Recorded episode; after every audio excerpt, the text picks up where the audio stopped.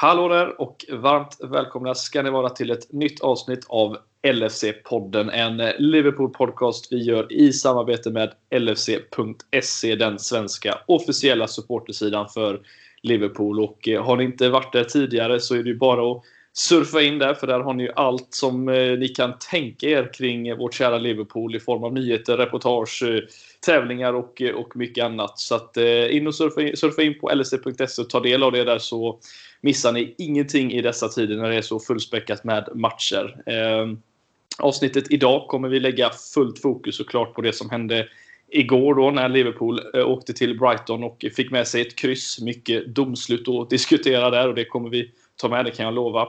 Och så snackar vi även upp lite inför Ajax som sker här i mitten av veckan. Så att, eh, häng med så kör vi ett fullmatat avsnitt.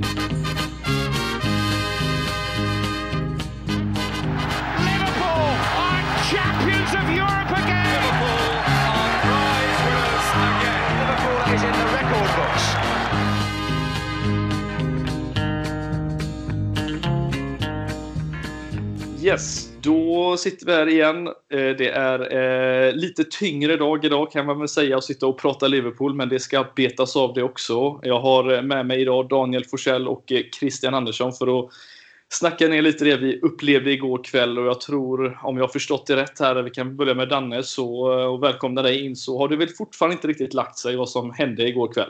Eller igår förmiddag menar jag.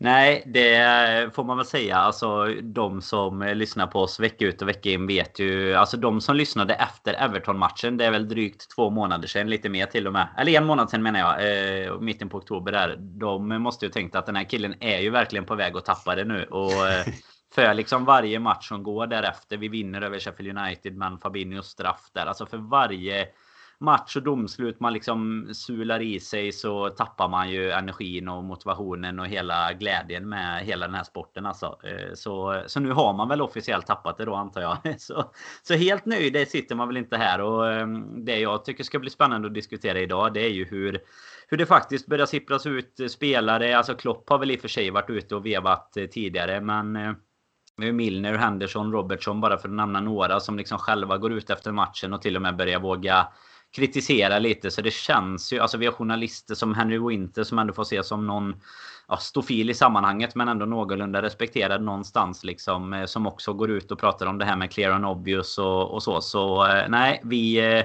hoppades ju för några, några år sedan här att vi inte skulle behöva hamna i VAR-diskussioner varje vecka. Men vad fan ska man göra liksom när det, när det sker sådana här saker? Man måste ju. Det är ju så, ja. tyvärr. Ja. Vi kommer komma in på alla de besluten, men du har helt rätt. Eh, så är det. Eh, Christian, är du lika långt ner i träsket som Danne också? Eller är du eh, är på god är väg riktigt, ner. På god väg ner i alla fall. Ja. Dan, mm. Danne var först i träsket, men du är på väg. Nej, Danne har ju varit den personen som Han bor oftast... i träsket. Ja, han bor i träsket. Nej, det är ofta eh, från Danne i de här lägena liksom att fan, allting är skit. Och jag förstår honom. Jag har väl kanske lyckats hålla en eh, positivitet eh, längre. Men nu är jag väldigt snabbt på fall ner mot träsket här. Jag har tröttnat som fan på situationer som ska granskas där systemet inte ens kan faktiskt se om det är korrekt. Vi pratar till exempel då om offside situationer. Eh, när, eh, jag vet inte, det blir liksom parodi på parodi. Det är inkonsekvens från match till match. Man vet inte vad som gäller och inte gäller. Jag tycker liksom att VAR såg man väl som någonting som var bra för att kunna vara ett hjälpmedel till domarna att verkligen ta beslut när det är uppenbara fel. Men nu känns det som att det är på så millimeter Eh, alltså, det, blir, det blir liksom bara att det förstör flowet i spelet. Man som sagt vet inte riktigt vad som gäller. Man kan inte riktigt njuta av eh, mål eller andra situationer. Man, det känns bara som att sporten fotboll sakta dör. Och det, det gör väl såklart att fallet mot träsket eh, blir ett eh, magplask till slut. Att man, man, man tappar helt enkelt viljan att, jag ska inte säga titta på fotbollen, men faktiskt få upp de här känslorna inför en match och känna att man, åh fan vad kul det ska bli. För man, man har i bakhuvudet att sådana här saker händer och det händer oftare och oftare. Och som Danne sa, spelare, ledare går ut och pratar om det. Det betyder också att det har nått en gräns där de har börjat tröttna. Så om vi fans liksom tröttnat tidigare, och nu vågar de gå ut och säga någonting. Det, det säger en del om det. Så det ska bli intressant att diskutera det här mer. Jag, jag tänker att det här kommer bli ett huvudämne i det här avsnittet. Mm. Det, det, kommer det att bli, det kan vi nog lova redan nu. Men eh, vi, innan vi faktiskt går in på det så, så touchade du lite på en grej som jag tänkte vi skulle bara diskutera lite snabbt eh, först. För det är, visst, det är mycket träsksnack här nu. Det är eh, tråkiga trå saker att diskutera från, från gårdagens match. Men eh, lite positivitet finns det ju ändå eh, lite längre fram här, Kalle och, och Danne, när det gäller just fansdelen. För att eh, det var bara några dagar sedan som det sipprade ut lite nyheter om att de här Tier 2-områdena i, i England skulle få möjligheten och grönt ljus att släppa in publik. Eh, även om det då är begränsat antal. Och Liverpool som då är klassat som ett sådant område Ja, det innebär cirka 2000 mm. supportrar som kanske kan släppas in här till och med redan mot Wolves nästa helg, vilket är fantastiskt att höra. Och visst, det är på main stand och det är inte fullspäckat Danne, men eh, att få in supportrar är ju, det är ju precis det vi har efterfrågat här nu och nu känns det som att det ja, börjar hända någonting. Det, få in supportrar i detta läget är lite, du vet som när en spelare spelar på sprutor liksom. Man är på väg att bara ge upp sin karriär helt. Men så kommer det någon läkare med en liten sån här spruta rätt in i benet. Så bara, ja, 2000 fans in då. Ja, ja fan, jag, jag håller väl kvar en vecka till då känner man på något sätt. Men nej, Liverpool blev ju eh, precis nedflyttade, eller vad man ska ja. kalla det, uppflyttade kanske i tier 2 här strax innan beslutet. Efter lite mer positiva siffror än resterande grannar upp uppe i ja, nordligare delarna av England då gällande covid, smittspridning och sådär. Så Liverpool och Everton är ju faktiskt de enda utöver alltså syd London och eh, sydkusten. Eh, och var det även ja, upp. Jag kommer inte ihåg riktigt hur långt upp det gick. Men det är ju cirka, säg att det är cirka hälften hälften i alla fall som eh, får ta in och inte får ta in då. Chris Wilder är inte helt nöjd med det beslutet. Han är inte nöjd någonsin. Han är inte nöjd. Han har tre byten och ett poäng i alla fall. Så eh, det ska han inte vara så jävla nöjd med som Klopp sa. Men eh, nej, det, det är väl en injektion såklart som blir rolig. Och 2000 eh, låter ju kanske inte så mycket, men det låter ju väldigt mycket mer än eh, noll i alla fall. Vi hoppas att det, som jag sa sist jag var med, att det på något sätt får gå till de röststarkaste här nu då. De 2000. Mm. Det har ingen aning faktiskt om hur de, hur de eh, gör det eller hur de väljer ut. Om det är så säsongskort eller något. Det har jag inte satt mig in i något än faktiskt. Jag har bara insett att det inte kommer bli jag i alla fall. Så, ja. så långt är jag med liksom. Ja, har, har, du läst dig på lite det Krille? För vi har ju faktiskt eh, våra... Jag nämnde ju här i introt om eh, just eh, lse.se. Där kan man ju ta reda på detta. Där finns det faktiskt en nyhet som vi kan bara bocka av lite snabbt här. För det är... Eh, Man kan eh, egentligen citera att klubben skriver att 75% av de tillgängliga biljetterna kommer fördelas som vanligt till de säsongskortsinnehavare som uppfyller de olika kriterierna. Då. Eh, och för att besluta vilka som får biljetter kommer en lottning att genomföras. Tyvärr då, resterande biljetter kommer gå till hospitality, spelare och sponsorer. Så det blir ju inte bara de högst sjungande spelare, människorna som får komma in. Men det kommer ju i alla fall vara några som kan eh, få den nya Diogo Jota-låten att låta lite på, på, på läktaren. Men, det är lite, ju ändå rätt gött jag tycker ändå det är rätt gött tugg ofta på uh, Wagsen, där spelarfruarna från de ja. brasilianska spelarna på Twitter och sånt. Rebecca Tavares och sånt det är ju bra. Så jag hoppas att de, uh, det ändå kan bli Larissa och Rebecca och de som sitter där uppe och skriker igång mainstand. Ja, skriker ja. igång mainstand lite. Ja. Det behövs Nej. lite i dessa tider. Men vad känner du kring, kring detta då? Nej, men det är ju positiva nyheter och glädjande såklart att någonstans att eh, Liverpool och England överlag då, även om det inte gäller alla, men att en lockdown ändå har gjort att man ser att det minskar en smittspridning, att det också då tillåter fans tillbaka till arenorna eh, och att man förhoppningsvis ser det som steg i den rätta riktningen att kunna ta in fler längre fram. Vi får ju se lite hur det går, hur det kommer att eh, arta sig liksom. Men det, det är som du säger också, jag kan väl, det är väl liksom att är det, det är season ticket holders och members med 19 credits från 18-19 säsongen som får vara med i den här ballot och Det är ju ändå då. några stycken Krille. Det är några stycken om det ska gå 75 procent. Det är ju det som ja. är lite sjukt känns det som. Ja, det, den, den lotteriet är ju inte, det är ju verkligen lotto. Det är ju trissvinsten liksom.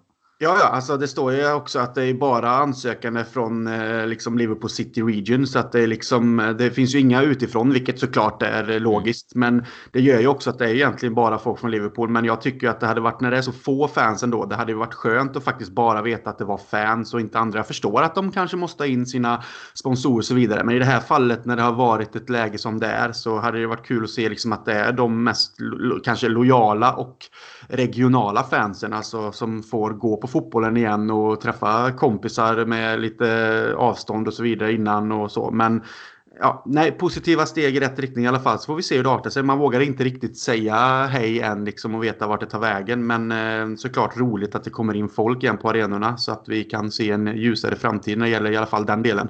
Var det Arsenal först nu eller är Europa League på torsdag? Eller vilken var första matchen nu som blir? Eh, det var ju snack om det innan, jag, innan de liksom helt bestämde detta. var ju det prat om att det var första matchen i alla fall som eh, där de får in publik. Koll, jag vet att de la upp något på sin Twitter i alla fall om att de... Jag vet att de ska ha publik. Sen vet jag dålig koll på de andra i Champions League här om det är någon som... Eh, om det är någon som spelar hemma och sånt utöver oss och denna. Men i och med att inte vi tar in på tisdag så är det väl antagligen då som det börjar jag måste säga att de här senaste veckorna när det varit lite Champions League och sådär så har det ju varit lite stormatcher ändå som har gått på TV utan publik visserligen. Men eh, jag måste säga att det finns vissa matcher som jag har satt och kollat eh, istället suttit och kollat. Det är ju de här ryska lagen som har, eh, typ ukrainska lagen som har en hel del publik på sina matcher. Mm. Inklusive även landslagsuppehåll. Jag tror det var Ukraina som mötte Spanien här för några veckor sedan. Och de hade ju, det var ju nästan så att man inte trodde att det var en coronasäsong överhuvudtaget. Det var så jäkla mycket liv på läktaren. Och det saknar man ju så fruktansvärt mycket. Mm. Man, man saknar ju att, att höra sångerna och framförallt firandet om målen och, och allt det där. Det är Ja, nej, det är synd. Sen ja, kommer vi väl komma till det att eh, det är ju... Firar man målen då? Ja, precis. Mm. Firar man mål som inte sen blir mål. Det är, det är ju det enda vi kommer komma in på. Det kanske vi ska diskutera lite längre fram och ha det i åtanke. Men eh, vi, kan, vi kan väl i alla fall säga att det är kul att det går åt rätt håll. Det är väl egentligen det, det, det viktigaste. Så får vi se vad som eh, kommer härnäst. Om det blir ännu fler längre fram eller om det fortsätter vara just ja, det lite lägre antalet som får komma in eh, till att börja med i alla fall. Men eh, att ta in, att, att ta in några supportrar skadar ju inte. Det, det väl, kan vi i alla fall slå fast vid här nu va? Nej, det, det, kan vi slå fast vid. Det är i alla fall för stäm, alltså, den stämningen som går att få upp av det. Mm. Och så, framförallt det som Krille var inne på med. Alltså, det är ju steg i rätt riktning. Liksom. Vi kan bara hoppas att det är positivt här nu ett tag och så eh, fylls det på eh, ju, mer, ju längre fram vi kommer här. Beroende såklart på vad som händer i, i världen med sjukdomar och pandemier och allt. Men eh, vi hoppas väl att det ska stå 10 000 kanske om någon månad istället och eh, fullsatt i mars eller någonting. Och så, mm. Eh, ja, det, det, är väl det som är förhoppningen i alla fall. Ja. ja men det är lysande, så det, det, det, tar vi med oss i alla fall. Men eh, om vi hoppar då till det som ja, är lite jobbigare att prata om, som, som vi sa här i introt. Jag var ju en av dem som var med och spelade in avsnittet efter 7-2 matchen mot Aston Villa. Jag tycker att detta är jobbigare eh, att prata om. Eh, jag tror folk kanske förstår mig också. Att det här är betydligt jobbigare och för att man kan inte riktigt acceptera detta. Man kan köpa en 7-2 förlust på rättvisa medel.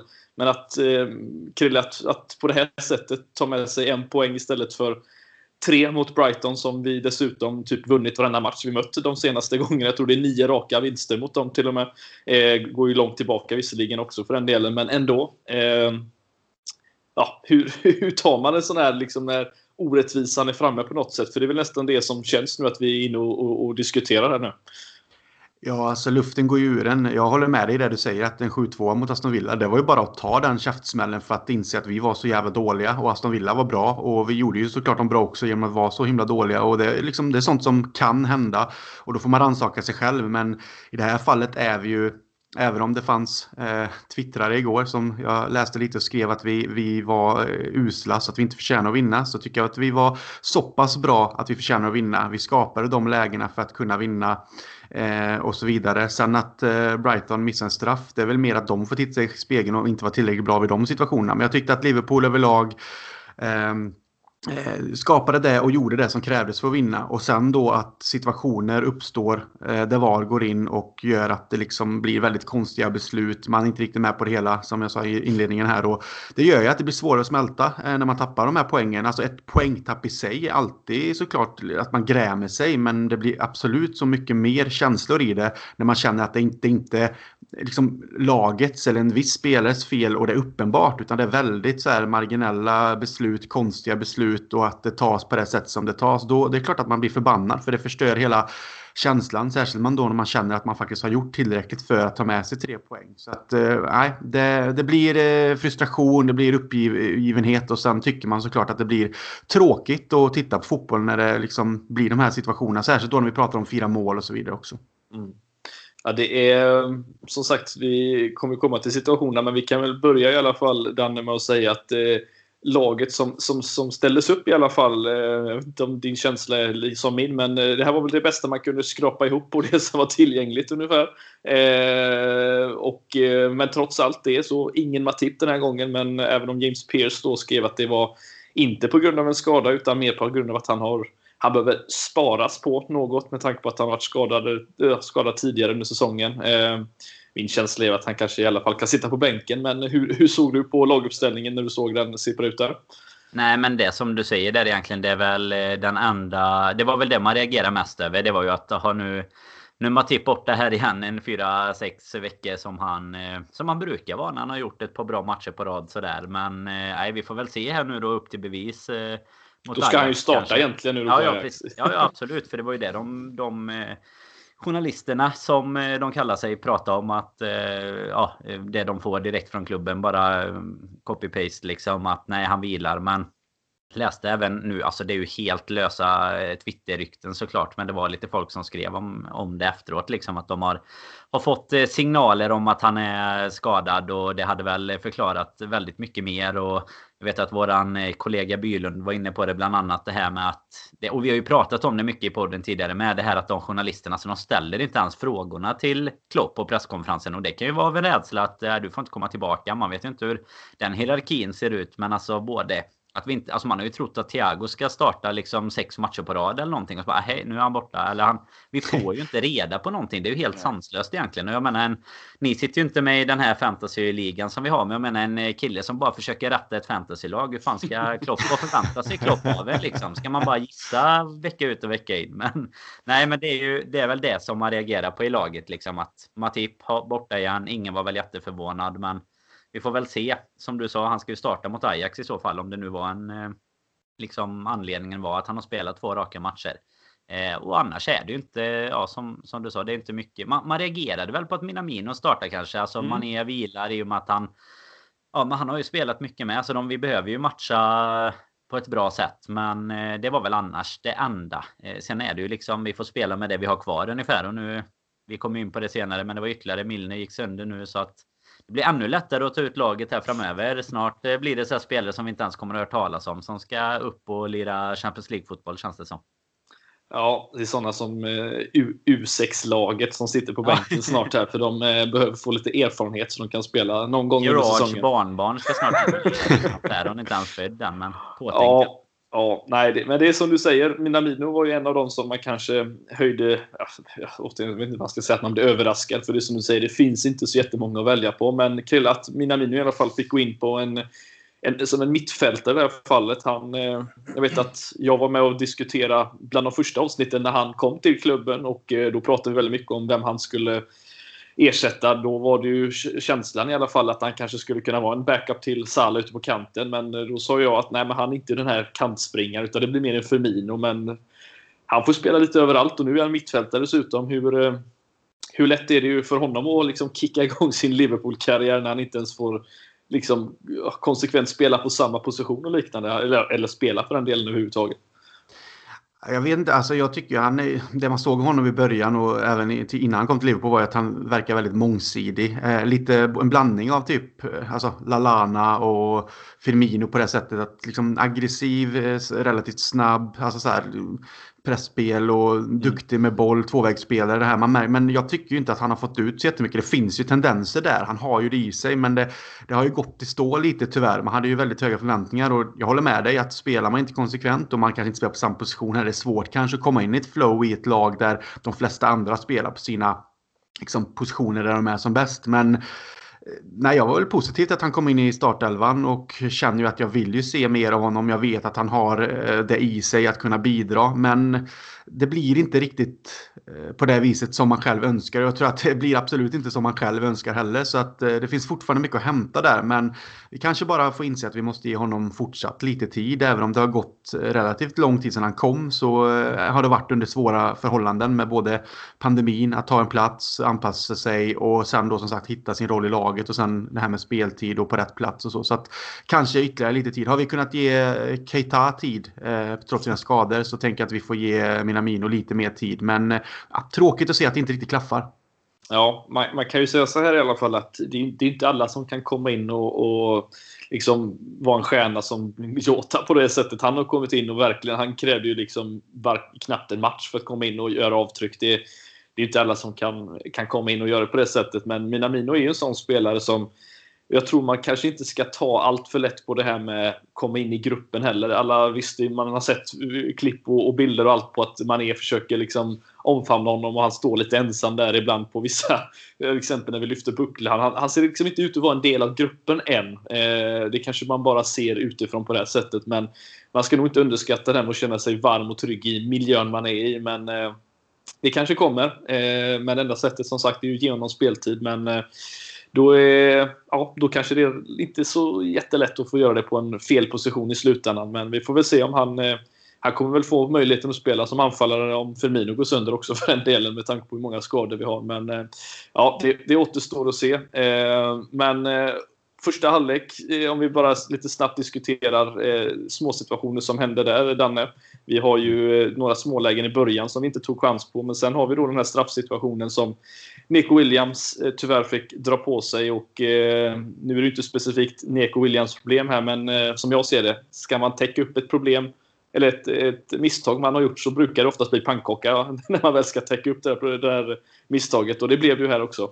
Ja, och det är ju lite typiskt känner man någonstans att det är Nico Williams. Liksom redan lite ifrågasatt. Han har ju snarare gått eh, alltså från och kommit in tycker jag och sett rätt spännande och bra ut och nästan eh, mattats av lite för varje match som går. Eh, och nu i såklart i brist på alternativ då som han kommer in och spelar. Vi, vi hade väl kunnat eh, göra någon annan rokad där Milner återigen får gå ner men då eh, får vi liksom ja, det, det, är ju det här med matchandet med, som vi kanske inte riktigt har stenkoll på. Jag menar de flesta hade väl tyckt att Mané skulle starta och att man då hade kunnat göra en rokad. Men eh, själva situationen i sig, det blir ju lite valpigt på något sätt. Eh, alltså, Mbappé är ju där och vet vad han ska göra om man säger så också. Han söker ju upp den lite lika mycket som eh, Neko går in. Men jag tycker den straffen, vi kommer ju komma in på ytterligare straffar sen va, då, som vi kan diskutera mer. Men den här tycker jag inte att man kan säga något om det är straff. Att det var vissa som inte tyckte det. Men eh, jag tycker inte att det är så mycket att snacka om. Sen att eh, att han själv då är schysst och lägger bollen utanför bara för att han själv också inser att eh, det liksom inte är rättvist sett till matchbild. För jag tycker att vi var mycket bättre fram tills dess ungefär. Eller i alla fall första kvarten innan vi verkligen mattades av då. Så jag vet fan, han hade ju inte sina bästa minuter där. Man först missar han och det tar väl inte två minuter innan han sätter sig ner och är skadad. Eller om han bara skämde så mycket för straffmissen att han var tvungen att byta ut sig själv eller något. Men, det, eh, är, det är faktiskt så att det är första gången sedan 1998 Danne. Då var det Dennis Bergkamp mot Derby som först missar en straff och sen blir utbytt i första halvlek. Det är första gången det händer. Det är inte ofta. Stort eh, att vara efter Bergkamp ändå. Om man, ja, liksom men, ska, om man ska liksom sätta någon sorts, precis som man ska sätta sig i något sorts fack då, så, så är det lite mäktigt ändå. Nej, men det är som sagt, jag tycker inte man ska inte snacka något om straffen och sen är ju vi var lite inne på det, du pratade om det i början där Krille, att jag menar det att de missar en straff. Det har ju inget med tur eller var eller något att göra, utan det är ju att de, det får ju bara spelaren rannsaka sig själv. Det är klart att du i nio fall av tio ska sätta en straff, framförallt när du målvakten åt fel håll. Men eh, det är ju liksom, har ju ingenting med något annat att göra mer än att det är en dålig individuell prestation och missa målet på en straff kan man ju tycka. Men eh, jag måste bara eh, stanna där på, på, kring det här, för det är en grej som jag, som jag har tänkt på faktiskt just under den här säsongen. Ehm, nu var det ju återigen, De Bruyne var ju den, ja, man säger, den första spelaren sedan Mares mot oss faktiskt på Anfield 2018 var det väl hösten där, som missade, alltså missade målet i en straff. Nu gör Mopay det igen, bara några liksom veckor senare. Det här är ju ett typexempel som jag ser det på just det här med dålig koncentration. Du har inte fansen, du har liksom inte... Det är så dåliga förutsättningar. Det är självklart att du ska missa mål, en straff, när det inte är några fans, alltså när det är den här, liksom, den här säsongen. Det är nu det ska hända. Allt sånt här konstigt ska ju hända under mm. den här säsongen. Det är min special, det är min känsla när det gäller just allting som sker det här året. Att det är nu det ska hända på något sätt.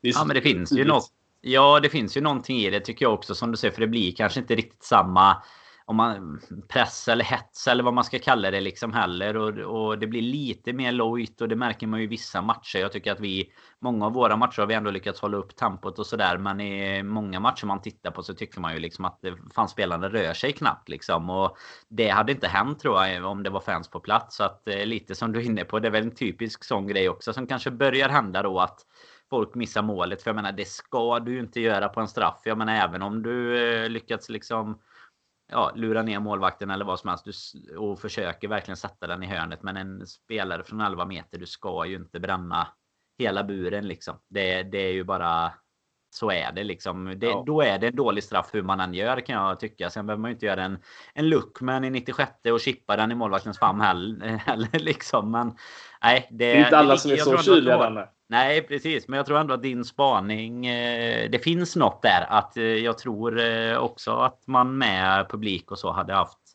Ja, men det blir en annan, en annan känsla helt enkelt. Ja. Eller är Alisson så jävla bra på att psyka ut dem bara. Jag vet inte vad han gör. Han kör någon sån här brasiliansk voodoo på dem innan. För två ja, på men, rad så som missar mål liksom. Ja, det... men det var faktiskt så att jag, jag läste någon statistik om det med Alisson. Just att han har sedan ja, han blev liksom ordinarie i Roma då, tiden också. Han har fått så här, så att det var 9-10 straffar på sig och han har räddat Tre stycken har gått utanför och tre stycken har räddats. Eller något i den här stilen var det som. Alltså det var nästan löjligt att han har fått... Han har inte ens blivit testad på vissa straffar. Det är ganska mm. sjukt faktiskt. Men ja, vi får väl säga så här Krille att eh, det var ju tur att vi fick, eh, fick med oss det. Men eh, målet som kanske skulle stått sen då, som blev Salas 1-0. vad har vi att säga om, om den situationen? Jag vet att här tror jag vi kommer få stanna några, några minuter känns det som. Eh, ja, det blir väl att stanna eh, om vi pratar... Eh, Ska vi sätta så... timern på 10 minuter så får vi se om vi. Nej, men om vi pratar Salah-situationen där. Eh, när man ser det direkt så känns det ju som att det inte är några konstigheter. Och när de sen då ska gå in och vargranska så, När du säger eh, inga konstigheter, menar du att det är mål eller att du ser att det är offside på stillbilden första gången? Eller vad känner du? Nej, att, att det är mål. Att alltså, är mål ja. man, jag, jag, när jag såg liksom, när man ser det i realtid och det händer och det blir mål. Så min första känsla är att nej, han var nog onside där. Alltså min magkänsla är onside. Och eh, tänker att absolut finns det lite möjlighet att de kommer granska det här. Och det är det här som är lite problem problemet var med. Men min första intention och känsla säger att fan, han var någon side. Det var min, eh, min blick när jag såg det. Och det går ju så pass snabbt. Och när man sitter vid tvn, inte, även om man sitter och tittar, är man inte alltid helt, helt fokuserad när det händer saker och ting runt omkring med. med man, det är barn och annat som rör sig och så vidare. Så att man, men det var det första, min första känsla. Och sen när de granskade så Tycker jag också att ja, men fan, han är precis på gränsen. Det är onside liksom. Eh, ändå får de fram en offside. Jag vet inte vad ni tycker, men jag tycker att det är så... Alltså, jag vet inte de här millimeterna och vi kan prata tånagel, hårstrå eller vad fan det nu än är. En armhåla eller klubbmärket som Klopp var inne på också. Det, det, blir liksom parodi när det blir de här de typerna av eh, små marginaler. Jag, jag tycker inte ens VAR kan urskilja att det är offside. Och sen så tycker jag att det här linjedragandet, man får ingen styr på var de sätter saker och ting. Vad är korrekt? Vad är rätt linje? Och så pratar de om det här med foten med på försvararen och Twitter eh, det svämmar ju över av det här hur man kunde stå på, på den foten och det skulle vara kroppen och allt. Jag or knappt orkar läsa det men du ser vilka diskussioner som faktiskt går fram och, av de här besluten och att det liksom det blir så konstigt och det tar ju bort all glädje från det. Så att för mig är ju det ett mål och jag tycker att de här lägena lägena ska inte VAR användas till. För det, det, det, går inte att säga är det onside, offside. Det ska vara tydliga fel i så fall som VAR ska gå in och säga. Om det nu hade varit som vi har tagit upp tidigare, det här Störling-målet som var eh, för den säsongen då 13-14. Eh, när det är liksom en klar och tydlig offside. Ett sånt läge där det blir ett mål men där man faktiskt kan se att här finns en väldigt stor chans att det faktiskt var och man kan gå in och granska att här är ett tydligt fel. Det är då det blir ett hjälpmedel men i de här fallen när det är så ytterst små marginaler så tycker jag inte ens man ska in, gå in och pilla liksom. För då, då förstör man fotbollen, flowet och glädjen i det. Och då tar ju bort glädjen i att fira mål också. För att till slut blir ju alla situationer en känsla av att yes, men de kommer granska det och hittar de minsta lilla fel så kommer de antagligen ta bort det. Så att eh, för mig är det mål och reglerna kanske är annorlunda. Men då är fotbollen eh, som sport på väg att dö väldigt snabbt också. Mm. Vad, eh, ja, du nämnde det just det här med hur de drar linjerna. Hade vi haft eh, hackat oss in Danne nu på Robin Bylens eh, kameror i hemmet så hade han ju enligt honom då stått och försökt stå med högerfoten till, ja, närmre sin vänsteraxel. Det hade inte gått så jättebra. Men eh, det finns ju sådana här grejer som man sitter och diskuterar hela tiden. Hur, hur och var och vem som drar linjer. Är, är det olika mm. människor som drar den på olika sätt? Eh, zoomar man in en bild dessutom så är det ju inte direkt en, en sån NASA-kamera som de använt direkt. Utan det är ju så jäkla suddigt så du kan ju inte ens veta på pixeln om det är foten eller gräset du har dratt. Alltså det, det är ju sådana här marginaler vi sitter och diskuterar just nu. Och jag håller ju med Krille att det är ju det är så här man dödar en sport som har utövats ja. i så många år som man suttit och njutit av. Och ja, man har suttit och varit felaktigt eh, bedömd ibland, vissa spelare, och man har känt att vi har blivit rånade i situationstecken då på det här sättet när det har varit ja, mänskliga fel. Men nu när de är inne och letar fel, alltså de letar, de vill nästan att det ska vara offside. Det är ju det de är ute efter här nu. Då mm. blir det ju, ja, då, då, då, då är det inte roligt längre. Nej, och det första du är inne på där, alltså att inte... Det är ju både en... Det enda som hade kunnat glädja en igår, det hade ju varit att få, få se något så här TikTok-klipp på Bylund när han ska stå med foten framför. Och det är liksom eh, också ett underbetyg får man ju säga att han inte filmade det. För ja. det blir både... Hade både varit en hyllning, men nu blir det lite av ett... Det är nästan en eh, större skandal än domaren, eh, domaren ja. nästan. ja, men nästan. Nej, men du är inne på precis det spåret jag tänker. Alltså jag, jag satt och hade ju många diskussioner med, med väldigt många på Twitter och sådär om detta igår. Och det här att för alltså man har ju varit besviken över eh, domslut och oavgjorda resultat och allt. Alltså förr i tiden också. Och på, men, men nu är det på ett helt annat sätt. Alltså som den här matchen och Everton-matchen och kanske någon ytterligare som har varit eh, varma. Men alltså det jag, det jag mer inne på att man helt tappar liksom intresset för sporten. Inte för att det liksom blir ett domslut som blir fel utan det är ju någonstans, alltså fotboll är ju uppbyggt på de här känslorna att du ska kunna fira ett mål, att du ska kunna ja, hoppas på, alltså det är de här spontana känslorna som liksom bygger någon sorts gemenskap liksom. Och nu istället så är det ju, jag skrev själv om det, alltså du, du har en sport som har utövats sen i den moderna formen sen någonstans under 1800-talet liksom på ungefär samma sätt. Och nu liksom sitter du istället och drar linjer och du är inne på det Fredrik där med. Alltså, du ser ju fan inte att du inte ens, det är inte HD direkt de jobbar med på 4K eller någonting som du jobbar med i butiken. De kanske skulle börja köpa lite grejer av, av dig. De sitter ju för fan på eh, någon gammal eh, lina liksom VHS-band och spelar in det här eller någonting. För man, man ser ju dels inte, eh, tycker inte jag, riktigt hur... Eh, alltså, du ser ju på vissa då där de drar linjen att okej, okay, foten är lite över eller inte. Och, jag tycker du behöver inte gå längre än till Manés mål som han gör senare i matchen. Där du faktiskt kan se att okej, okay, här tar vi hjälp av det. Eh, för att vi har liksom låter linjedomarna inte göra någonting egentligen. Utan de får bara springa där ute och få lite motion på kanten. Men då kan vi använda det och se att okej, okay, han var offside. Vi drar bort det. det. Det är ingen som behöver diskutera. Men jag tycker att man borde ge lite mer ansvar till linjemännen. Och i ett sånt här, en sån här situation där det då blir ja, väldigt mycket 50-50. Att du, du behöver gå in och zooma in och dra nya linjer och sånt. Ja, men då kanske du någonstans ska gå på det linje man gjorde. Alltså hade han dragit upp flaggan här. Ja, då får vi finna oss i att det är offside. Drar mm. han inte upp flaggan, då är det mål. För jag menar, vem, vem sitter i andra änden och bestämmer precis när Firmino slår bollen? Jag menar, det kan ju handla om en, eh, ja i och för sig de här VHS-ramarna är ganska långa. Men jag menar om du skickar fram eh, eller bak det klippet i en millisekund liksom. Så kan det ju vara att du i det här fallet får en linje som visar att Salah är onside istället. Mm. Så det är så mycket som avgörs av det. Så på något sätt är det ju... Alltså jag, jag tror inte att någon, vi pratade om det lite här i början, spelare börjar tröttna. Alltså det, det, är inte någon som vill ha det så här. Och nu kan man ju känna att vi är jävligt partiska för att vi pratar om Liverpool. Men det är ju ändå de matcherna vi tittar på och pratar om. Det har ju varit samma i många andra lag och i många andra matcher också.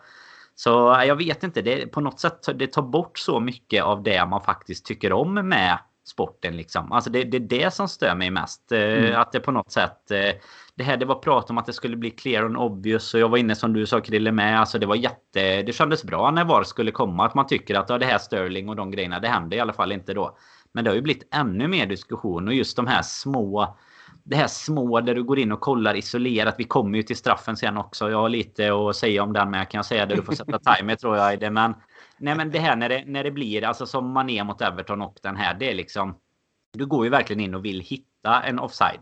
Istället alltså låt domarna på planen ta det beslutet du nämnde något här innan Eidefors. Du kan få utveckla det lite mer. Men det finns ju vissa ligor tror jag med som har, eh, har gjort något liten sån här kompromiss med det. Att man säger att du ska kunna hitta det på en viss tid. Eller du ska kunna kompromissa med ett visst antal centimeter för att eh, ja, i de här lägena där det egentligen är omöjligt att säga. För då, då blir det ju fortfarande den mänskliga faktorn. Men det blir inte den mänskliga faktorn av killen som faktiskt står på linjen och har betalt för att sköta det jobbet.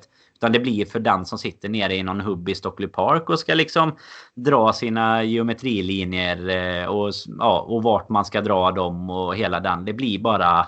Nej, det blir en stor jävla pannkaka och parodi av någonting som vi vi faktiskt har tyckt om så jäkla mycket som bara musten går ur en på liksom. Så mm förstår ju om någon har stängt av under den här ranten, men, men det kommer mer senare.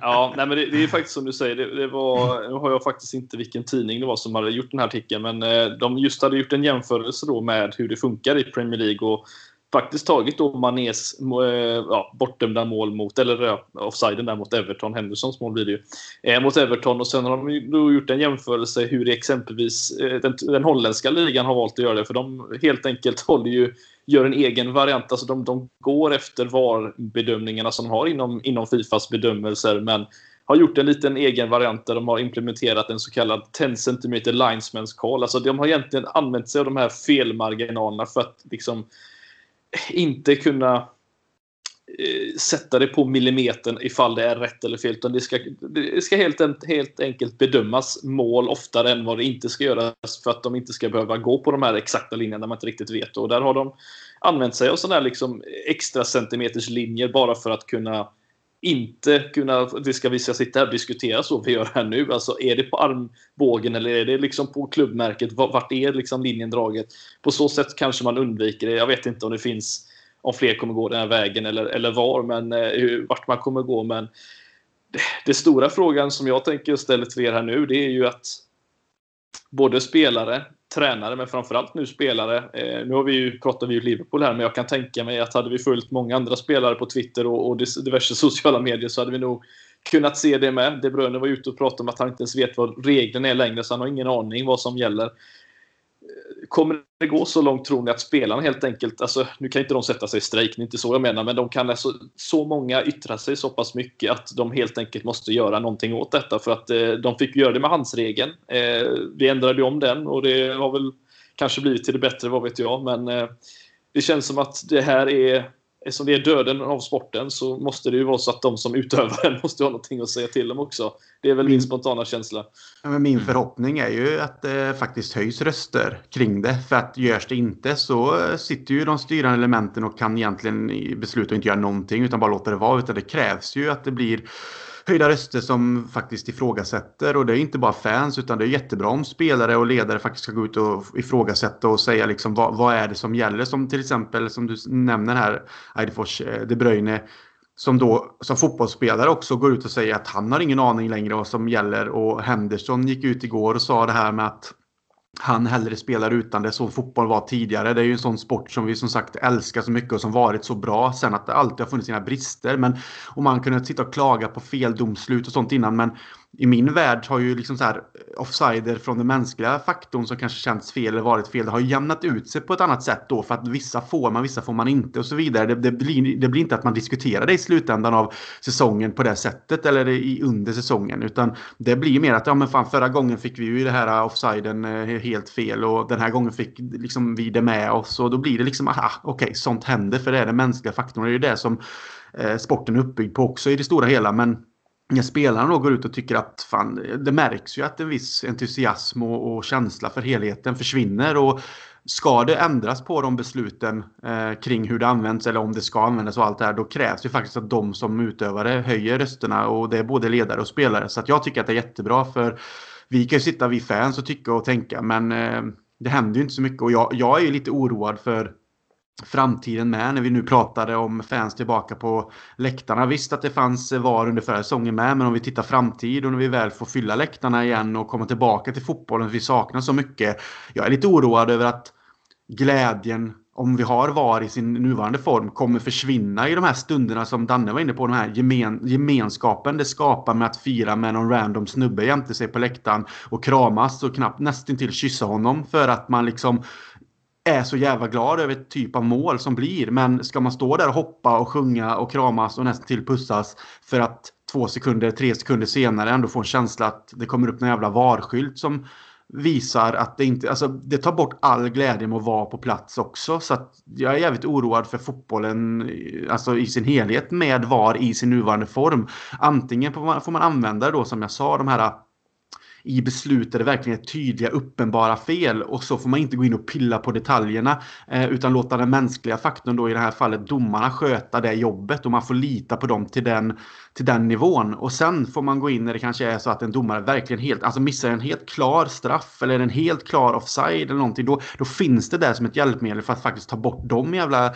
skitgrejerna för att få mer rättvisa. Men när du går in och pillar på de här detaljerna då, som sagt, som jag sa innan, du, du tar död på helheten. Alla känslor, glädje glädjen i att titta på fotboll. Så att, eh, eh, att spelare och ledare går ut hoppas jag på något sätt kan sätta igång en våg som kan göra förändringar. Jag säger inte att vi ska ta bort VAR även om jag kan vara väldigt mycket skrota skiten i, i, i stundens hetta. Men någonstans måste det ske förändringar. Men då, då, krävs det kanske mer som sagt de rösterna från de som utövar sporten och de som kanske har lite mer att säga till om för att det ska ske no någonting. Mm. Hånglet mellan dig och en 58-årig scouser det blir ju rätt stelt när det kommer upp så här decision no go liksom. Han bara oh, yeah, uh, you wanna sky, scout pie? Nej. Wanna, wanna Nej, men, den, number den, men den är ju ruggig. Det är ju som du är inne på Krille med. Det är ju Robert som bland annat. Alltså Henderson står ju i BT direkt efter och pratar om det. Och Robert som vet jag lägger upp på, eller lägger upp på sin eh, Twitter eller Instagram var det väl där att eh, liksom när, när ska vi som är med och utövar sporten få någonting att säga till om. Något i den stilen skrev han ju liksom. Och alla spelare var ju var lite ute på, inne på samma spår och även om man inte var, var lika solklara. Många vill ju vara kryptiska för att man inte ska kunna ja, bli utskälld för att man på något sätt har eh, klagat på sporten. Liksom. Men, men det, är ju, det är ju mycket fel i det. När eh, det började ju med Roy Hodgson här för någon månad sedan och lite mer tillbaka. Va? Och att det liksom är så sjuka situationer och han säger att det liksom inte det funkar liksom inte längre ungefär och det var ju tidigt tidigt denna säsongen och det är ju också en eh, konsekvens av att man tyckte det även förra säsongen men jag tror att vi i mångt och mycket Alltså dels var ju, var ju det publik på läktarna så att man, man vet ju det när man var där. så det var ju sjukt även med VAR på plats om man säger så. Men då då blir inte den här inramningen av en träningsmatch så solklar som den blir nu när det inte dessutom är någon publik och sen ska du ha någon som sitter i någon hubb och liksom tar varje beslut på lite eh, liksom diagram och linjemålning. Så då det tar ju verkligen bort mycket av eh, känslorna. Det, det håller du med om tror jag Fredrik va? Ja, jag eh, satt och försökte komma på senast jag firade ett mål ordentligt. Eh... Henderson mot Everton. Nej, jag Ocean. tror vi får gå... Nej, jag tror ja, men Ocean, ja, men jag menar Ocean blev det bortdömt ändå. Så ja, nej, men jag tror vi är ännu längre. Jag tror vi är tillbaka till förra säsongen. Jag tror senast jag firade ett mål ordentligt, det var Wijnaldum, äh, Firminos 2-0 mot Atletico Madrid. Det är mm. typ något i den stilen. Eh, då, då, då kände jag så att då firade jag för jag visste att det där var ett mål. Men efter det annars så jag, jag, jag och då var det ändå, hade vi visserligen VAR med, men jag kommer inte ihåg senast jag Sen gick det också åt helvete oh. efteråt. jo, jo, men... Det är eh, därför åter, du aldrig mer inte vågat fira något. Ja, nej, men, nej, utan det, det är återigen så att en förlust kan jag ta, men jag kan, alltså, jag, kan inte, jag kan inte acceptera att sitta och inte veta huruvida ett mål på det sättet när det är sådana finmarginaler och dessutom ibland man, man kan se, som exempelvis Hendersons 3-2 mål mot Everton, att det ska inte vara offside. Det spelar ingen roll vad reglerna säger. Det där är det, är, det ska vara bara vara mål. Det är liksom... Eh, och det, det är lätt att sitta och säga som Liverpool-supporter nu. Nu har vi liksom haft, vad är det, åtta stycken mm. Overturns. Overturns så att säga. Och det är dubbelt så många som andra lagen har i, i ligan. Exempelvis Tottenham United på fyra. Då. Det är... Nej, jag vet inte riktigt vad jag ska säga. Och då måste jag ändå säga att de här målen är frustrerande. Eller, Manés mål frustrerar... Eh, förlåt, Salas mål frustrerar mig mer. För där känns det också som att det skulle kunna... Min första känsla var också som Krille sa att det var mål. Men sen ser man stillbilden och tänker ah, att han ser nog offside ut. Och så drar de linjen och tänker man men där ska du inte dra linjen. Dra linjen så jag vet säkerligen då att han är offside. Men det som frustrerar mig mest är det jag tänker vi kommer komma in på nu. Det är ju faktiskt eh, straffsituationen som jag tror vi vi helt enkelt får beta av faktiskt här och jag tänker att vi får väl eh, alla yttra oss lite vad vi tycker om den. Om vi börjar med dig Krille. Eh, jag vill säga att vi gjorde ett mål däremellan också bara. Nej, jag, jag tycker nästan inte det är, är, är viktigt just nu. Vi gjorde ett jättefint mål. Here ja. we go again. Nej, nej. ja, ja, vi, ja, vi, kan väl i alla fall säga det som sagt. Jota, eh, återigen. Eh, vad är det nu? Hans nionde mål på 14 matcher. 8 8 de senaste. Det är ju eh, stjärnstatus, får vi ändå säga på, på något sätt. Han är väl bland de hetaste i, i världen just nu, i alla fall formmässigt. Och, eh, ja, det är synd att ett sånt mål, ett sånt fint mål inte ska få bli ett, eh, ett avgörande mål dessutom. Och, eh, Istället så sitter vi här och vi lägger mer fokus på, nästan så jag glömde av målet, men eh, att vi lägger mer fokus på, på det som faktiskt blev efterspelet. Och det är, ja, Krille, en straff i 92 var, eller 90 ja, någonstans, någonstans däremellan i alla fall.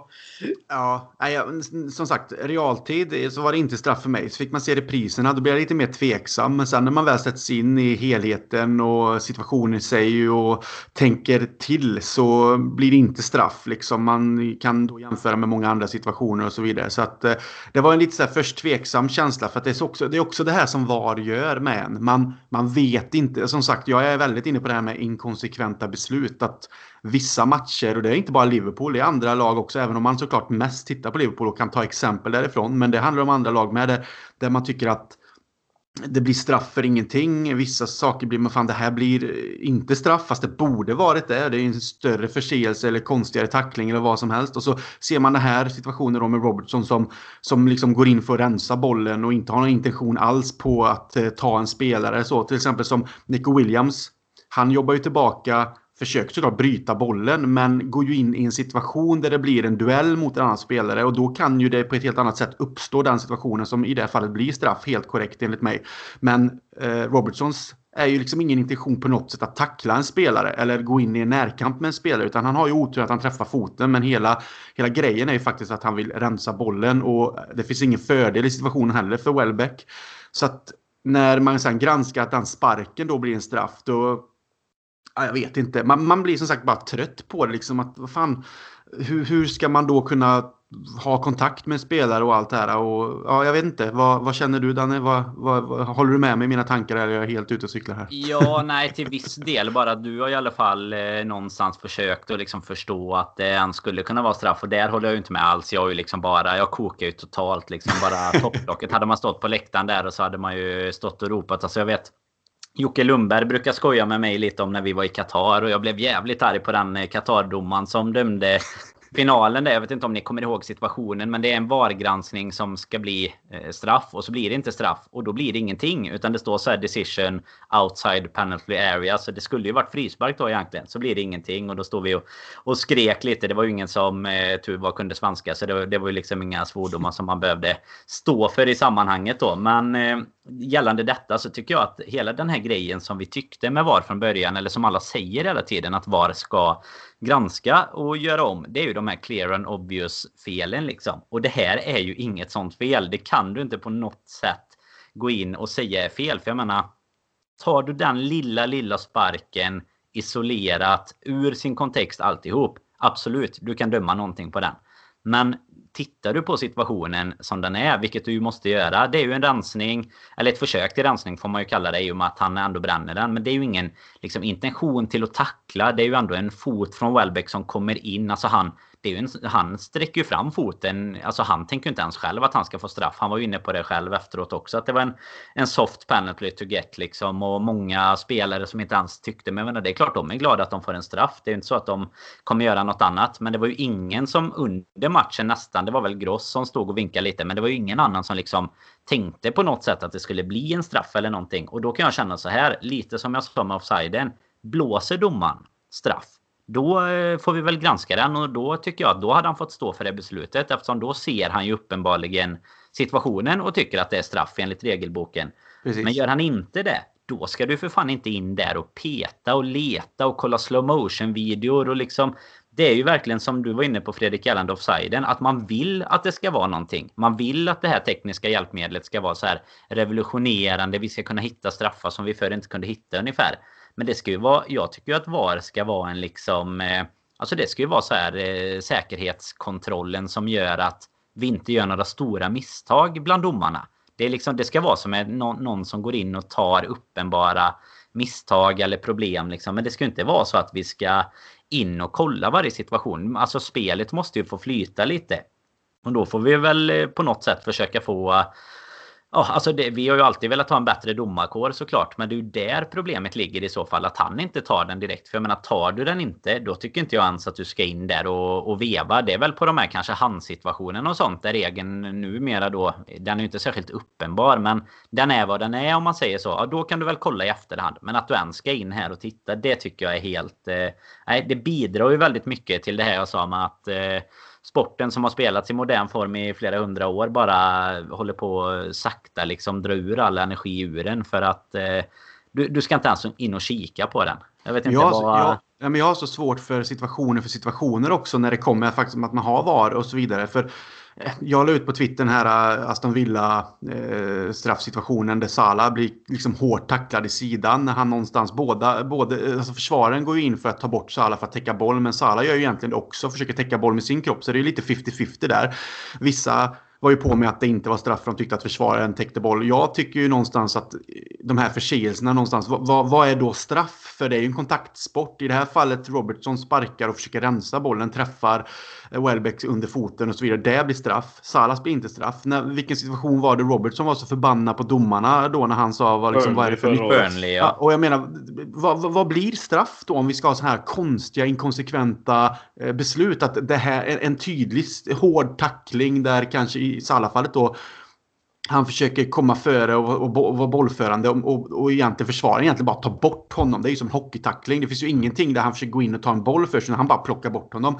Okej, dömer de inte straff där, då är ju Robertsons här när han bara försöker rensa en boll fast träffa spelaren på foten. Absolut inte straff. Det är det heller liksom. Så att jag menar, det blir så, det blir så jävla svårt att veta vad är straff idag om det inte är som en hands då där de plockar från höger och vänster. Ja, det är straff. Eller som Nico Williams då i det här fallet, där han eh, försvarar mot eget mål, går in och vill bryta och fäller spelaren klart och tydligt. Ja, absolut straff i straffområdet, inga konstigheter alls. Men i de här fallen blir det så här, man kan inte ens säga vad fan som är straff längre. För det är så jävla svårt att veta vad en domare kommer att döma och inte döma och vad VAR kommer att säga. För att det är precis det de gör. De går in och granskar situationen och bara nej, det är ingen straff. Eh, Salah i det här fallet då när han blir bortknuffad. Fine, okej, okay, det är en kontaktsport. Jag kan ta att det inte är straff. Men då måste jag kunna ta att det här absolut inte är straff och att det, det ska inte dömas straff. Så det är det som gör mig också jävligt tokig. Att man liksom har ingen aning vad som kommer bedömas och vad det döms på. Vad är reglerna? Vad säger hur mycket man får? Som, som du sa innan, innan vi börjar här, du kan få utveckla det också.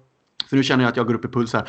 men, men just det här att eh, man lägger händerna på ryggen på spelare i straffområdet och knuffar lite. Och vissa, vissa hårda knuffar kan bli straff och har blivit straff, det har vi sett. Vissa andra handpåläggningar blir då inte för att det är lagom. Men vissa stora dragningar i straffområdet som vi hade Maguire gjorde väl det i United. Han drog väl någon spelare, nu har inte jag sett alla bilder, man har ju läst det. det ja. och jag menar, vad fan, okej, okay, det är det jag menar. Det är ju straff. Han, han, det är ju rugby, det är ju inte fotboll. Alltså, det var väl Chelsea-matchen, va? När han brottade ner Ja, då är det, ju, det är ju straff, det är ju rugby. Det är liksom, så får du inte göra. Men i det här fallet är det ju en situation där Robertson faktiskt gör inget annat än försöker rensa bort bollen, träffa foten. Det finns ingen fördel, det finns ingen intention som du säger Danne, till att gå in och på något sätt tackla en spelare. Han foten också. Det är ju det, skulle han stått precis framför och han bara klipper honom totalt. Det är ju en annan sak. Ja, men han sträcker in foten för att nå bollen lika mycket som Robertson sträcker in ja. den. Och jag antar men, ju att han eh, liksom...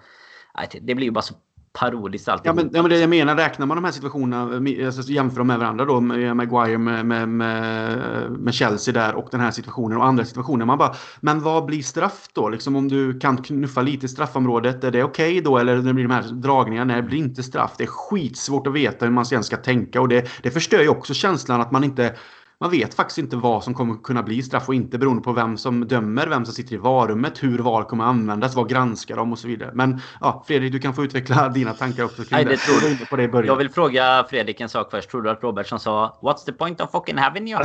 först innan? ja, jag, jag, jag, tror, jag tror det. Nej, men alltså jag... Jag, jag, kommer aldrig någonsin förstå att det där är straff. Eh, jag är, det finns det finns just de här eh, regler som alltid... Eh, alla regler kan inte vara svartvita. Det finns alltid så här gråzoner och eh, du kommer aldrig någonsin kunna komma undan detta. Detta tycker jag är ett sånt exempel där det finns inte en möjlighet att Welbeck...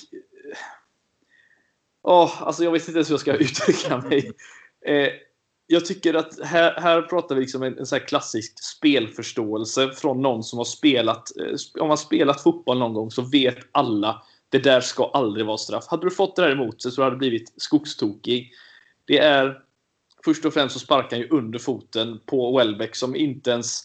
Han lägger sig ner två sekunder senare när han märker att okej, okay, nu har jag fått en spark här under min tå där jag dessutom har järndoppar. Det finns inte en chans att det där är liksom en... Eh, han drar ingen fördel av det på något sätt, Robertson, att han sparkar på den foten på det sättet. Det finns ingenstans där detta ska bli straff och det är Dessutom då, som Henderson sa i efterhand, att det var inte bara Welbeck som sa det. Det var andra spelare som sa att det inte ens var mm. straff från West Bromwich. Alltså, Antagligen Lalana i Brighton. Så eftersom han är en av dem. Precis, det var bara han. Eh, nej, men eh, som du säger, jag, tycker fortfarande det största problemet är de som, som, som best, alltså domarkåren är det största problemet. Jag tycker inte vi sitter och diskuterar mm. sådana här stora problem i Champions League. För där ser man sällan de här domarna sitta och diskutera. Jag tycker också att det kan vara en bra jämförelse att dra här när vi diskuterade den här straff, eller när vi pratade om den här straffen att eh, för några veckor sedan när West Bromwich fick en, fick en straff mot United på bortaplan och eh, domaren går in och kollar att det där ska inte vara straff för det var så minimalt med liksom touch i det här fallet. Det här är ju samma sak. Det finns ingenting. Alltså det här, var är kontaktsporten på väg någonstans när du inte ens i ett straffområde kan pilla på en motståndare? Det är liksom det finns så många situationer, just det, som du säger då Krille, med tröjdragningar och liknande, som är så extremt mycket större där du drar en fördel av att dra in en tröja, eller som i det här fallet då, Maguire drar ett strypgrepp på Aspilicueta som inte kan hoppa upp och nicka bollen. Där drar han en fördel. I det här fallet så vinner inte Welbeck någonting på detta. Och det är så minimal touch att det är så löjligt. Och det här är, återigen, målsituationer och liknande. Det där, är, där drar, drar de det efter en så kallad linje då. Och där har de väl på ett sätt då kanske rätt för att det här är linjen dragen. Jag kan köpa det på ett sätt. Men i det här fallet så är det ju spelintelligensen från en domare som är så felaktig. Som kan gå in och tycka att det här är straff. Alltså det är... Alltså som sagt, det här irriterar mig mer än någonting annat som vi har diskuterat hela avsnittet och har gjort någonsin tidigare att det här är straff. Det är... Mm. Nej, det, ja, det, det, är riktigt dåligt. Är det. Men problemet då, Ja, förlåt Anne, fortsätt. Ja, jag tänkte bara säga att problemet blir också att när inte ens spelarna, alltså som du är inne på där i det där spelförståelsen och sånt. När inte ens spelarna liksom står och ropar på straff och sånt, då vet man ju också någonstans att Alltså att det är en situation där du inte ens behöver gå in och pilla för att det som Robertson gör egentligen. Han tänker så här, nu är matchen snart slut. Jag bara tjoffar iväg den här bollen upp på övre etage liksom eller långt bortåt helsike så. Och, och det, det ska du ju få göra. Sen kan du inte göra det om det liksom är någon precis, som jag sa innan, då precis framför dig eller någonting så att det blir en farlig situation. Men här är det ju ingen situation ens. Det är ju det som... Ja, jag, jag tror inte att det finns någon nästa... Alltså, diskuterat även med polare som har, liksom, har det så tufft i livet att de håller på United och så. Inte ens, när inte ens de tycker att Liverpool ska ha straff emot sig, då vet man ju att eh, man inte skulle ha det. Så, så mycket, det kan man väl liksom sammanfatta det med nästan att ja. det finns mm. ju ingen som tycker att det ska vara straff egentligen. Alltså inte ens, eh, nu har jag inte sett någon intervju med Graham Potter efteråt, men jag tror inte ens att han går ut och säger att det var en solklar straff. Liksom. Nej, han sa samma sak faktiskt. Han sa, han sa också att det var eh, att de hade tur. Alltså det var en, eh, mm. ja, och sen är det klart att de gärna, ja precis, sen är det klart att de gärna tar straffen. För man kan ju inte heller, alltså vi, vi kan ju inte liksom säga något om Welbeck eller om, kan jag, eller du säger det, han slänger sig lite. Men jag menar visst, det är ju, det vill man väl att man ska försöka göra det mesta av situationerna i vissa fall i våra egna spelare också. Så det är ju, de ska ju bara vara glada well. att de fick en chans till. Men liksom det man blir förbannad på, det är ju som du säger, det är ju domarkåren. Och sen då hela användandet av VAR och liksom hur det hur det bara känns som att det används helt i, i onödan. Och ja, det är väl det. Vi har ju egentligen massvis och mer att prata om. Men... Nej, men det är precis det jag är inne på och, använder väldigt mycket på Twitter igår. Så här, problemet, problemet är ju inte VAR i sig. Det problemet är hur man använder VAR. Hur man väljer att mm. ha det som ett system som ska hjälpa domarna. Men som är så jävla inkonsekvent beroende på vem som sitter bakom skärmarna och vilken domare som är liksom. Jag vet inte, det blir liksom. Då blir det någonstans... mänskliga faktorn till det där ändå. Det är ju det som är problemet. För det var ju det vi skulle slippa. Det var ju det vi skulle ja. slippa när VAR kom. Det skulle ju vara så här, ja men då behöver vi i alla fall inte tänka på att det blir olika för beroende på vem som sitter. Och det har man ju märkt nu vecka för vecka att de dömer ju ändå olika. Alltså ja, men det... alltså, jag hade ju liksom, den som sagt situation vi pratade om innan United-Chelsea, den blev en sån här chocksituation för mig. Jag bara, hur fan kan man inte med VAR-granskning?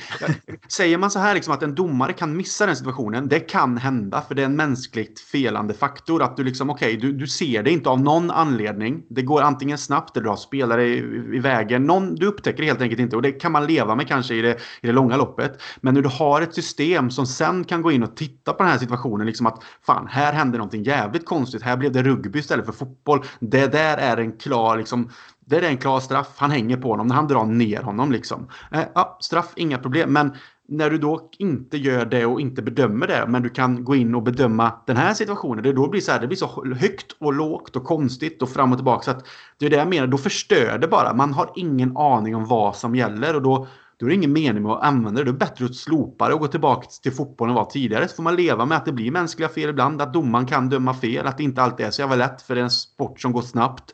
Men man känner ju mer att det jämnar ut sig i långa loppet. Man kommer väl leva med vissa missar och man kommer kunna liksom gräma sig över det. Men man kommer också få vissa med sig på ett helt annat sätt. Där man kanske kände oh shit, här kom vi undan jävligt gött. Fan vad skönt liksom. Men vi missade förra gången som jag var inne på innan. Men det, det, är lättare att leva med och det är roligare att följa fotbollen på det sättet. Även om det är lite upp och ner där också. Men inte alls på samma nivåer som det är just nu. För nu, nu är varenda situation någonting att diskutera. Och eh, vissa döms, vissa döms inte. Och de som verkligen ska dömas, de blir det ingenting av. Och de som inte borde dömas, ja då blir det straff. Så att, nej, det är ett jävla... Det är pannkaka, hokus pokus alltihop nu nu. Så att de, någonting måste de göra. Så jättebra som sagt om eh, spelare och ledare fortsätter höja rösterna här. För att annars så kommer man ju bara skita i det här. Man ser inte fram emot allt på samma sätt som tidigare. Det har kommit till den punkten nu. Och det säger jag inte bara för att det är Liverpool. Jag får känslan när man diskuterar med andra på Twitter som håller på andra lag med. att fotbollsglädjen håller sakta på att sina och att den liksom, det dör ut med det här. Man har inte alls samma stämning och känsla i kroppen som man haft tidigare när man ska titta på en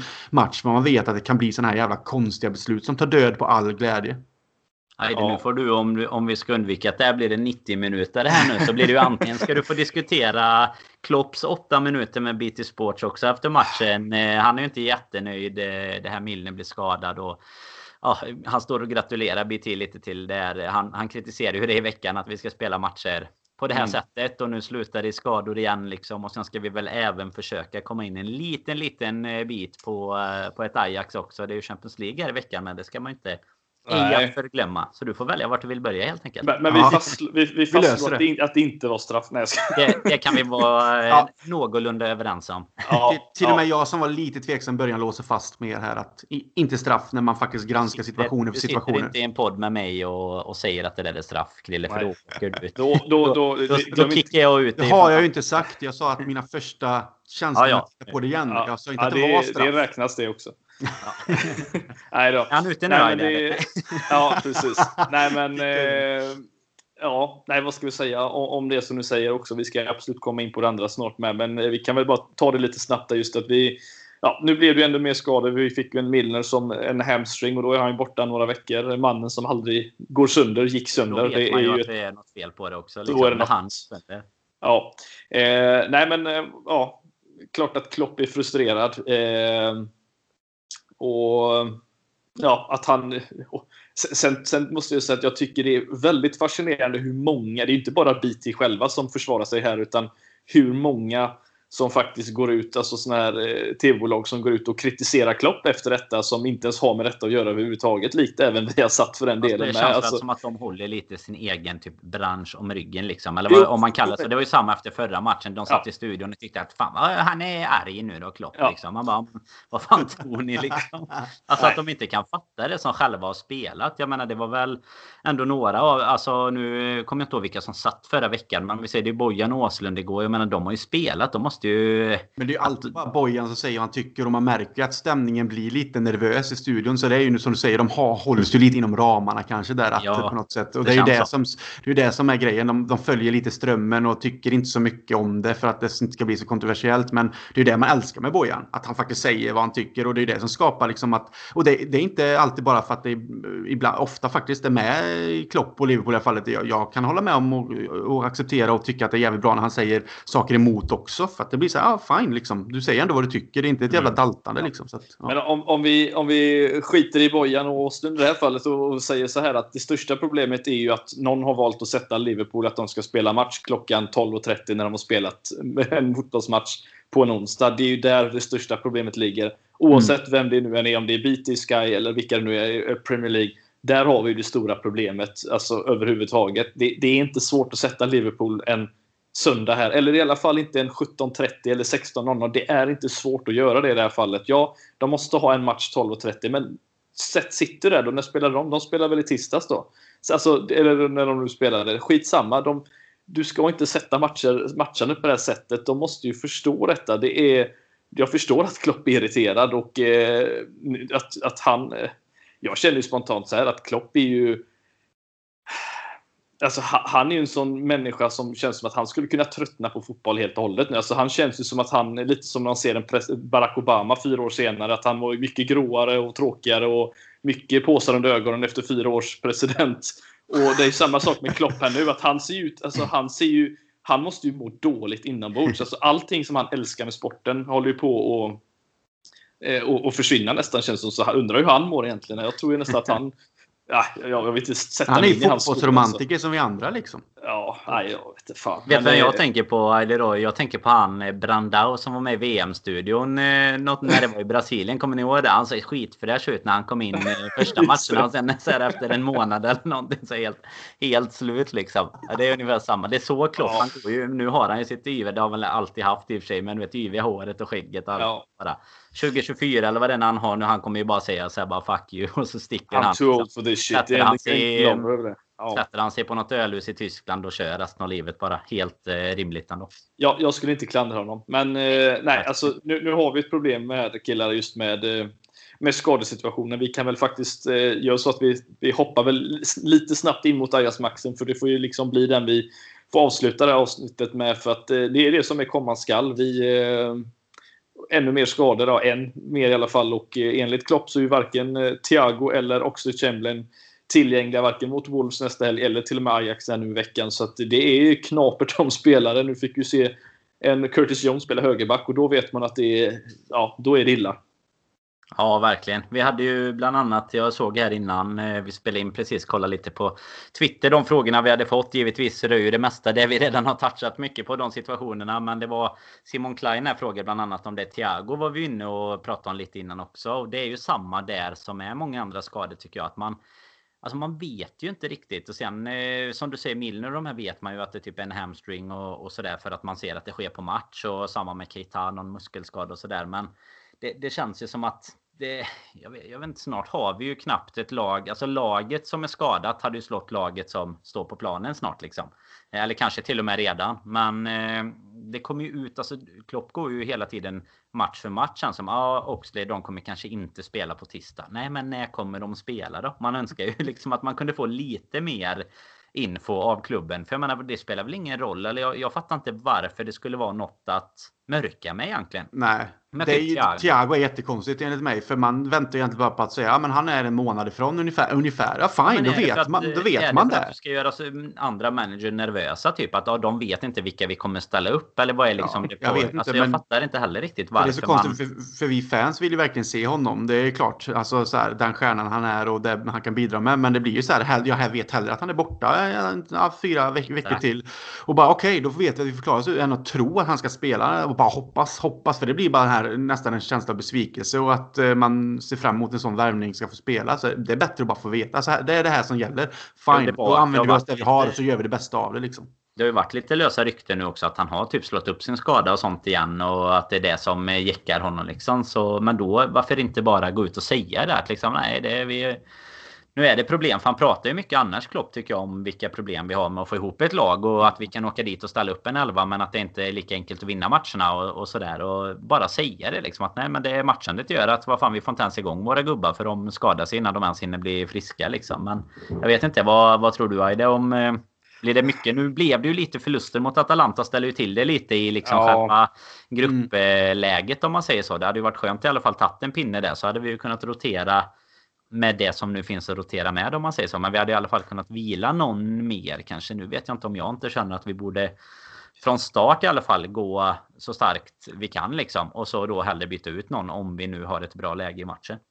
Ja, den, den, är ju svår för det är ju eh, som du säger. Jag tror att det ska ju räcka med egentligen att inte förlora här. Så kryssa här så har vi ju, har ju Atalanta och Ajax en match mellan varandra eh, sen då. Så att jag tror att vi ändå kan klara oss relativt väl oavsett vad vi gör den här matchen. Men nu eh, hade ju Ajax som sagt möjligheten att, eh, att rotera lite. De ledde väl med 3-0 i halvtid eh, på bortaplan och bytte ut då Tadic, Promes och, och lite, lite storspelare just för att kunna ja, spara dem till den här matchen. Och det är ju inte riktigt vad vi har möjligheten att göra för vi eh, leder aldrig en match med 3 eller 4-0 känns det som längre. Det är eh, där kanske ett litet problem är också. Men eh, jag ser ju bara att vi kan ställa upp med så bra som möjligt och eh, Sen, jag känner inte att vi nödvändigtvis måste spela alla fyra eh, av våra våran kvartett där framme för att eh, det finns ju bara en större risk att någon av dem går sönder. Så att eh, vi har, nästan vi får spara lite smart här, men mittfältspositionen är ju det största problemet och där vet jag inte riktigt vad ni har att säga vem som, eh, vem, hur vi ska få mer av detta. För att det verkar inte funka senast i alla fall.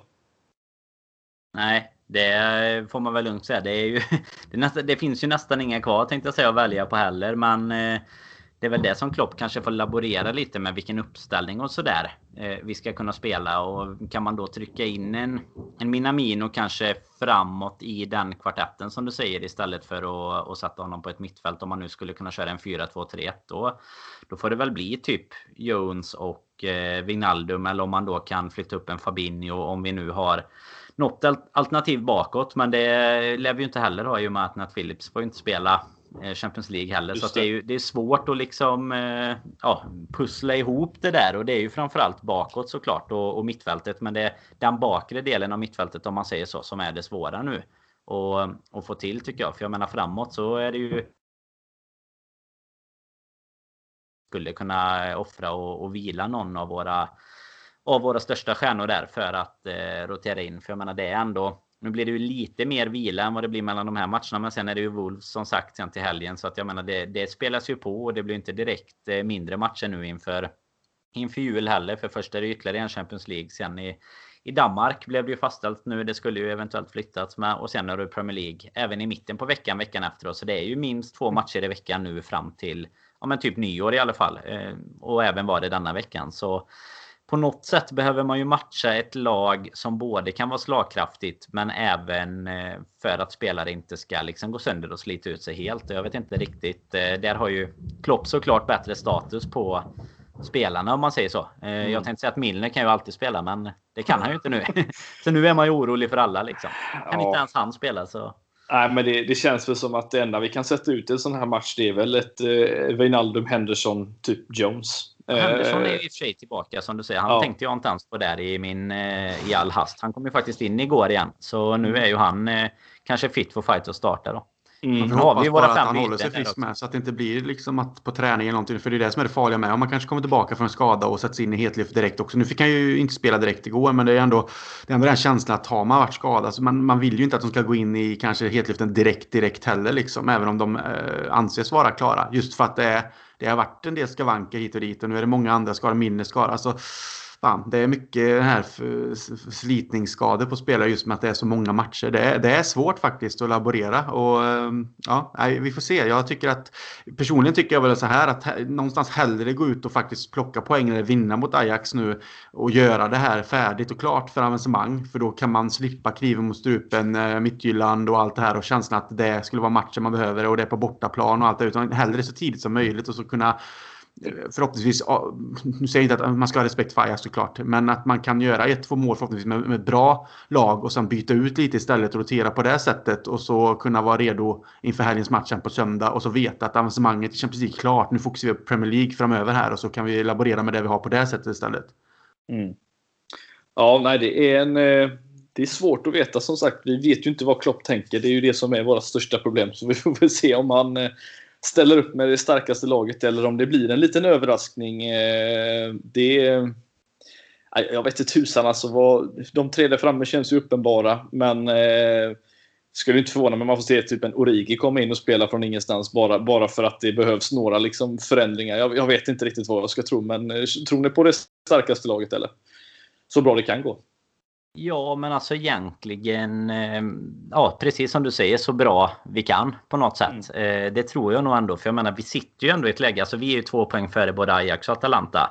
Och eh, Atalanta får vi väl räkna med vinner över Midtjylland. Så att jag menar, då är de uppe på 10. Vid ett kryss är vi också uppe på 10 och Ajax hade haft 8 då. Sen möts ju de tacksamt nog om man säger så, så har ju vi eh, Midtjyllands sista matchen och de möts. Så att någon av dem kommer ju tappa poäng hur man än vrider och vänder på det. Så med ett kryss i denna matchen så har vi ändå skapat oss ett eh, relativt bra läge och vi borde ju det, ja, det bör vi ju lösa för som vi var, jag var med och pratade inför Ajax den första mötet. De är ju inte vad de var eh, förr, eller förr ska jag inte säga, men då när de gick till semifinal också. När, det året vi vann Champions League. De har ju gjort en hel del förändringar och sådär. Så, så förhoppningen är väl att vi ska kunna lösa något tycker jag och sen kanske efter 60-70 minuter börja byta då i och med att vi har de här fem bytena nu igen i, i Champions League. Så då kan mm. vi utnyttja det lite mer och faktiskt då om det är en eh, Mané eller vem det kan vara en Salah nu när han har kommit tillbaka och sådär som som kanske hade mått bra av att inte spela hela 90 så får vi in någon ung hungrig istället som ju faktiskt kan göra 20 minuter eh, utan att det kanske blir alldeles för mycket pannkaka av det om man säger så. Sen ska vi ju vinna sista matchen i, i Danmark ändå får man väl tycka men det är ju skönt om man skulle kunna skicka dit liksom verkligen eh, Alltså att du inte ens behöver skicka halva laget i stort sett utan de kan vara hemma och träna på Inte på Melwood längre nu då utan på eh, AXA Training Center eller vad det heter för fin sponsrat numera men nej, det är, väl, det är väl det optimala. Och då tycker jag att det krävs eh, den bästa elvan ändå. Ja. Vad eh, tror vi det slutar? Krille, du får börja. Eh, 2-0 Liverpool. Uh, en hållen nolla. Danne? Ja, ja, det, blir, eh, det kommer bli 3-1. Så vi vinner i alla fall. Och då är det ju klappat och klart. Klappat och klart. Bra.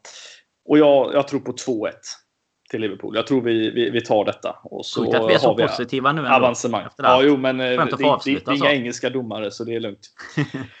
så, så vi klarar oss. Eh, så nej, nej, men det är gött. Eh, och vi kan väl som sagt passa på att säga som eh, vi pratade om lite i förra avsnittet också då innan vi lägger på här att eh, nu när det ändå är Champions League och vi Ja, det finns mycket att hålla koll på av våra konkurrenter och man kan se lite hur de helt enkelt har eh, ser ut och vilka skador de har och hur de ligger till i ligaspelet så kan man ju som sagt enkelt ladda ner Svenska fans eh, nya app där man kan eh, med sitt eh, gratiskonto kolla helt enkelt hur det går för sina sina lag, eller i det här fallet Liverpool, för det är ju vårt lag, men även kolla hur de andra lagen eh, har för sig i ligaspelet och samla all info helt enkelt eh, om dem och eh, ja, dessutom ta del av deras integrerade livescore-app eh, där man helt enkelt kan se diverse olika matcher de ser ut och eh, utspelar sig under matchens gång. Så att, eh, där kan vi också slå ett litet slag för att ladda ner den gratisappen och eh, logga in där så kan man hålla koll på alla våra konkurrenter och se lite hur det ser ut inför match. Eh, ja, boys, det var ett ganska fullmatat avsnitt, men eh, känner ni som att det har blivit en liten terapitimme här nu eller?